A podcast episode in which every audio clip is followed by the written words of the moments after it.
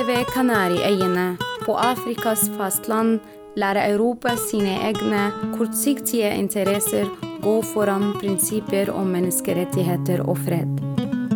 Velkommen til Sandfast, vår podkast om Vest-Sahara, den siste kolonien på det afrikanske kontinent. Nå skal vi ta turen østover. Vi skal til et land som vi sjelden prater om i Vest-Sahara-sammenheng. Hva er japansk koblinger til Vest-Sahara-konflikten? Med meg på tråden i dag er det Akihisa Matsuno, som leder solidaritetsorganisasjonen Friends of Western Sahara Japan. Welcome, Aki, and thank you very much for joining me today. So, thank you very much. How did you end up active and engaged in the Western Sahara issue? Yeah. Um, I used to be an activist for supporting East Timor for a long time. And when East Timor became independent, I shifted my eyes to conflicts of other areas, among others, Western Sahara.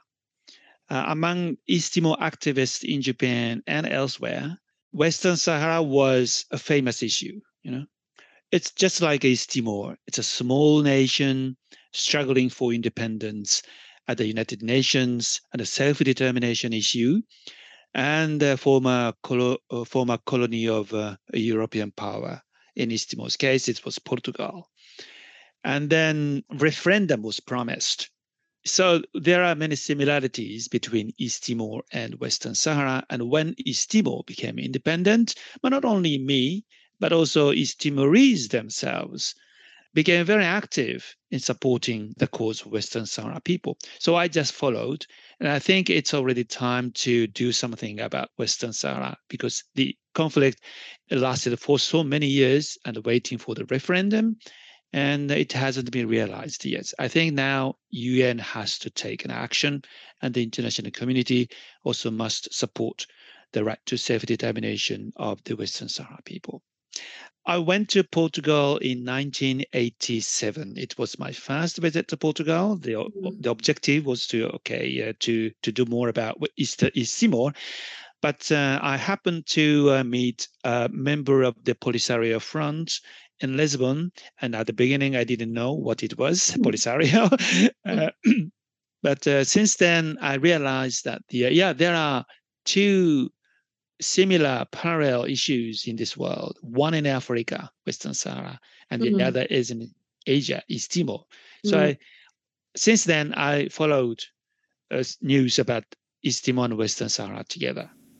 So let's start with Japanese fisheries in Western Sahara's waters. Uh, it is part of the Moroccan Japan Fishery Agreement from 1985. Could you talk about that agreement and about these vessels are fishing in Western Sahara? Yeah. Uh, as many people know, the Japanese are very fond of eating fish we are basically fish eaters. And it seems that we are exploiting fish all over the world. Tuna is one of the uh, fish that Japanese people like to eat very much. Maybe you know sushi and other yeah. things. And uh, so tuna is a Japanese favorite. But tuna around Japan is almost finishing.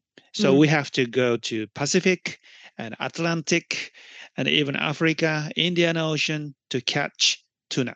So the history of uh, fishing uh, tuna, catching tuna in uh, in other parts of the world is very long for the Japanese uh, fishing companies. Mm-hmm. 1985, Japan and Morocco concluded an agreement. Japan uh, pays a little bit amount of money to the Moroccan uh, government, and the Japanese uh, tuna longliners, fishing companies are allowed to operate on Moroccan uh, waters. But in this case, uh, Moroccan waters include Western Sahara. It is not explicitly written in that way in the agreement. Instead, agreement refers to the uh, uh, United Nations law of sea, which mm-hmm. specifically, you know, had some article, some provisions on non-self-governing territory. So if we comply with the international law uh, provided by this United Nations uh, law of sea, the Japanese fishing companies cannot go to operate on Western Sahara waters. Mm. But in fact, and in reality, they go and they catch tuna. And these were now understood by the uh, what's that website. It is very easy to, to, to trace which fishing vessels on the Western Sahara waters. So now we know the Japanese vessels are operating on Western Sahara waters, and we believe that they are tuna longliners. So we were speaking uh, a bit earlier today, and you told me that Japanese people are very fond of eating octopods. And I understand that Japanese companies import octopods from Western Sahara as if they are Moroccan product. Do Japanese people know that their sushi pieces are in fact from Western Sahara and not Morocco? Uh, yes. Uh, well, the, statistically, we import these octopus from Morocco, so as Moroccan products. So there's no evidence on the statistical yeah. area that we import octopus from Western Sahara. Uh, but uh, one journalist, uh, our friend, went to Morocco and Western Sahara. So he visited Dakhla, for example, mm-hmm. and there he witnessed uh, octopus was caught and uh, brought to the uh, port of Dakhla, and there they were put into uh, boxes in French, and then uh, the boxes they write Moroccan products. So yeah. these boxes of octopuses, uh, frozen octopuses, I believe, mm. are brought to Morocco, Agadir or Casablanca mm. or wherever by trucks. Mm. And then from there, they are exported to other countries including Japan. And as a kind of a scientific knowledge, uh, many people say that octopus cannot be found on the Moroccan waters. The Moroccan offshore and the Sahara, Western Sahara shore, they are one line. Eh? Mm. But the octopus cannot live above Layun, uh, Layun mm. or, or, or north. So it's uh, scientifically it's uh, almost impossible that uh, Morocco can catch uh, octopus in their own territories, own mm. water. But the companies who are catching octopus in Western Sahara are joint ventures of Spanish, uh, French, and Moroccan mm-hmm. companies, but not Japanese companies, as far as I know. But so these uh, octopus are exported to Japan, France, Spain mm. by Moroccan companies as well. So there are Japanese companies who are importing these octopus yeah. from Western Sahara as Moroccan products. So we haven't done any campaign on this yet. We are still thinking of that because there are so many issues over Western Sahara. Octopus is one of them.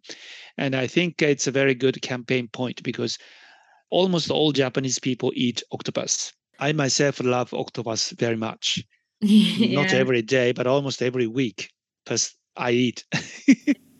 what about the import of uh, phosphate rock? Uh, well, it's almost sure that we import phosphate rock from Western Sahara. Interestingly, the Japanese uh, trade statistics differentiates Western Sahara and Morocco as two different countries. So this is a statistics of the government made by the Ministry of um, Finance. But Western Sahara as a country becomes important only in phosphate rock. Tuna or uh, octopus, of course, we cannot differentiate Moroccan products and Western Sahara products. We cannot.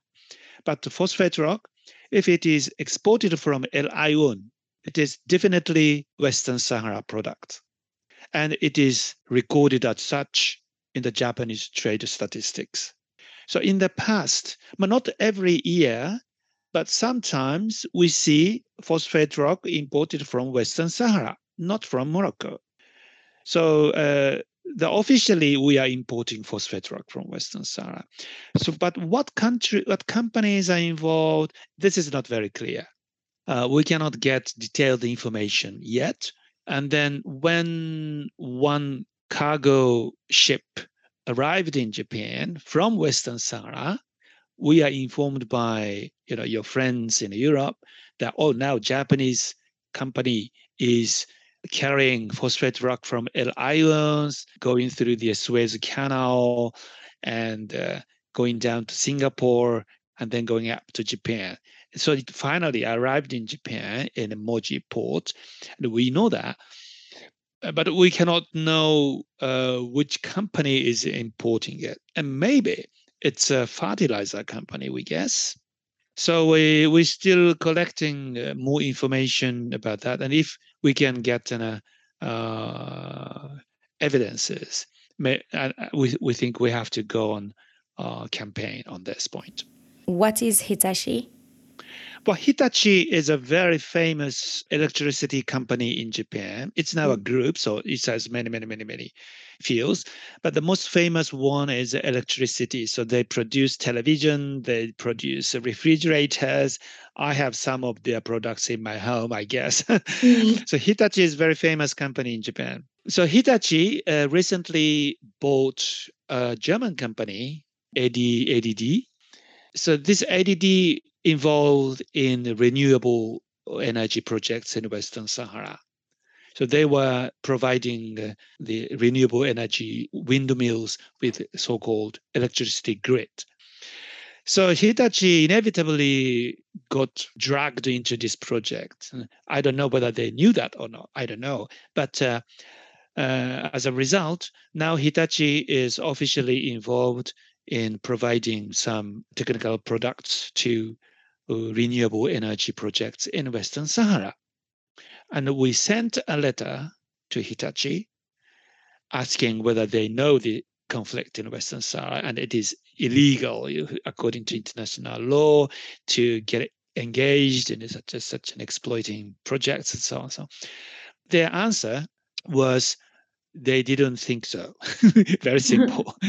yeah. they think they were doing just right, just just businesses nothing more than that. And then the second and the third letter, they don't answer. So we don't we don't know what they are thinking. But uh, this renewable energy issue is very popular now in all, in every, every country. Mm. So I mm. think in the future that if we can get more evidences and more uh, data, then we can campaign on this point. And then finally, we have the interesting case of the Japanese African Trade Conference that take place every couple of years. Each time ends in a big fight over Western Sahara. The last incident was just a few weeks ago. What is that conference about? Yeah. Well, this conference is called TICAD, Mm. It's an abbreviation of Tokyo International Conference on African Development. So it's a conference with the Japanese initiative uh, in partnership with the African Union Commission and UN organizations like UNDP and World Bank.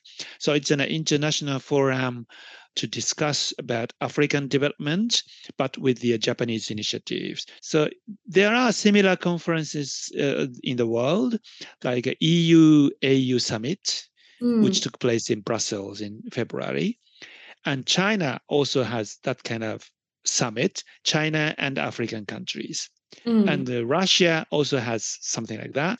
So many major countries and uh, like EU or have a similar framework with the African countries to talk about trade, uh, development, uh, international cooperation uh, of uh, in Africa. So TICAD, the summit is held every two years, uh, alternatively in African country and in Japan. So this this year it was held in Tunis, Tunisia. In 2019, three years ago, it was held in Yokohama, Tokyo. So after Tunis, I think the TICAD comes back to Japan next time. So in three years' time, maybe we will have TICAD nine in mm. uh, Yokohama, Tokyo. So every time Western Sahara becomes a big problem, big issue, because Japan does not want to invite Sahrawi Republic, you know, with the reason that Japan does not recognize it as a state. Yeah, we don't recognize it as a state, the European countries don't recognize Western Sahara as a state, but they also but they invite Western Sahara President Bra- Brahim uh, Ghali to mm-hmm. the summit in Brussels. Mm. But in Japan, does not want to. So about this, uh, we intensively lobby the Japanese government. I met with the officials of the foreign ministry in charge of TICAD preparation in Tunis. So we exchanged fierce words for one hour or so. of mm-hmm. course, they don't they don't agree, but they say when I said, yeah, EU invited Western Sahara, and with the reason that okay, EU is not selecting countries, but African Union is inviting all these countries, so EU is uh, has nothing to do with that. That's their reason. I said to the Japanese government, you can do this, you know. Well, let the AU select the member states to to come to the conference so mm. that Japan has nothing to do with that. You can say so to the Morocco to Morocco. But they say, oh, EU is EU, Japan is Japan, we are different. So what is Japan's official position on Western Sahara? Yes, um, Japan is very afraid, and at the same mm-hmm. time, for Japan, Morocco is very, very important country. Many Japanese companies are operating in Morocco. Yeah. Not so much in Western Sahara, but in Morocco, and there are lots of tourists going to Morocco. So very, it's a very popular destination. You know, Casablanca, Fez, and Marrakesh. Yeah. It's very exotic. So Japanese have a very good image about Morocco in the end, Aki, if people want to learn more about the work of your organization or Japan's role in Western Sahara, where can people find you and find your organization? Yeah, we have a website, but that's only in Japanese at the moment. Uh, we are kind of importing information from Norway, from Sweden, from uh, Spain, France, and that we translate it intensively. So the website is basically for the Japanese people. But you can Google Nishi Sahara Tomonokai, uh, Friends of Western Sahara Japan, or something like that. Then you can read this website. Thank you so much again for uh, taking the time. This has been very interesting and I have learned so much. Thank you. Thank you so much.